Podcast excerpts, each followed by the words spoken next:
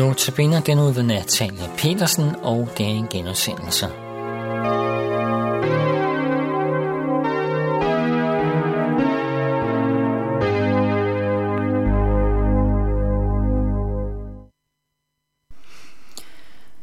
Mange områder i vores daglige liv, det er præget af fortjeneste. At vi skal gøre os fortjent til noget, som for eksempel respekt for andre, en særlig stilling på arbejdet, det kan være en plads på fodboldholdet, en lønforhøjelse, anseelse fra naboer i vennekredsen osv. Det ligger som noget basalt i os, at intet er gratis, og talemåden noget for noget lever i allerbedste velgående. Vores samfund er i høj grad bygget op omkring, at vi skal præstere, vi skal være noget, og vi skal meget gerne skille os ud fra mængden. Og det kan man sige, at øh, tv-programmerne de øh, er et udtryk for, at man får nogle få minutters berømmelse som ganske almindelig dansker. Jeg møder hos mig selv, at øh, jeg har en forventning om, at jeg skal leve op til forskellige ting. Jeg skal vise mit værd. Jeg skal vise mig berettiget til at være der, hvor jeg er, måske på min arbejdsplads eller andre steder. Ofte kan vores oplevelse af, at en person ikke har gjort sig fortjent til en eller anden form for anerkendelse, også afstedkomme en misundelse, og det kan aflede, at jeg selv arbejder endnu hårdere for at fortjene noget mere eller noget bedre. I Bibelen møder vi en afart af det her med at få efter fortjeneste og at få løn som forskyldt.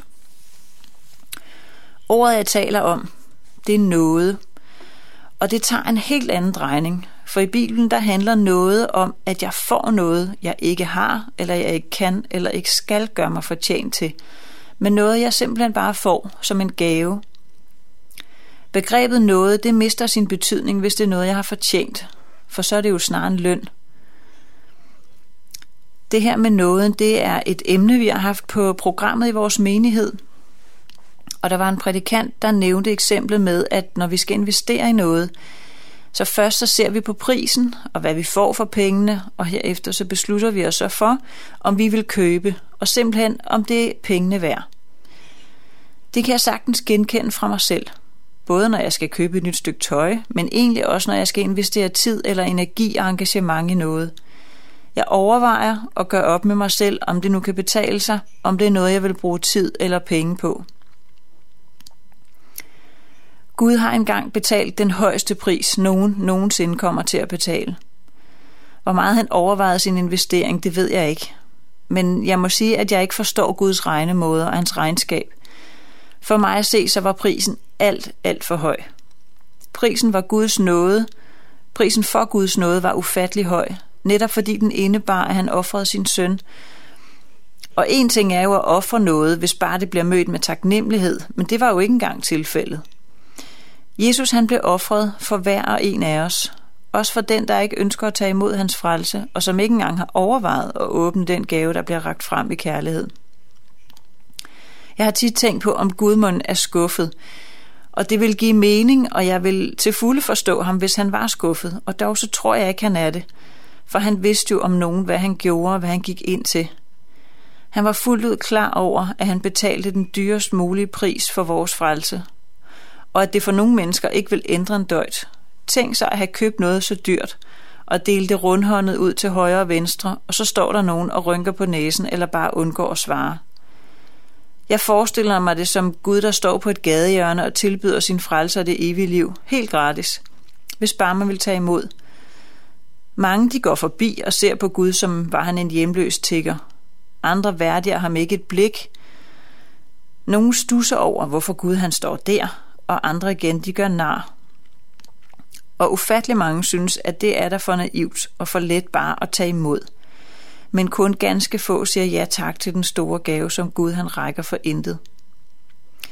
Jeg vil gerne læse nogle vers for dig fra øh, Efeserbrevet, det er også fra Nyt Testamente, kapitel 2, som handler om det her. Og der står, men i sin rige barmhjertighed og på grund af den store kærlighed, han elskede os med, gjorde Gud os, der var døde i vores overtrædelser, levende med Kristus, af noget er I frelst. Og han oprejste os sammen med ham og satte os med ham i himlen, i Kristus Jesus, for i de kommende tidsalder at vise sin overstrømmende rige nåde og sin godhed mod os i Kristus Jesus. for at den nåde er I frelst ved tro. Og det skyldes ikke jer selv, gaven er Guds. Det skyldes ikke gerninger, for at ingen skal have noget at være stolt af.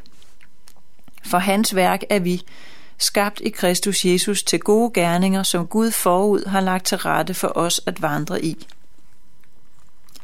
Det, jeg synes er så stort her, det er, at vi er frelst af noget ved tro. Det skyldes ikke mig selv, og det skyldes ikke noget, jeg har gjort eller kommer til at gøre. Der er ingenting, som jeg kan gøre for at gøre mig fortjent til at blive frelst. Jeg får det simpelthen som en gave, som jeg må undre mig over tilkommer mig. Og på en eller anden måde, så lyder det rigtig let, og alligevel er det så svært. På grund af al den mistillid og de svigt og den gøren sig fortjent til, der er mellem os mennesker, så er det frygtelig svært at stole på, at noget virkelig kan være så let. At det er helt ud af mine hænder og er lagt over til at være en andens ansvar. Ikke desto mindre, så er det det, Bibelen siger, og derfor så tror jeg på, at det er rigtigt. Det skyldes ikke jer selv, gaven af Guds.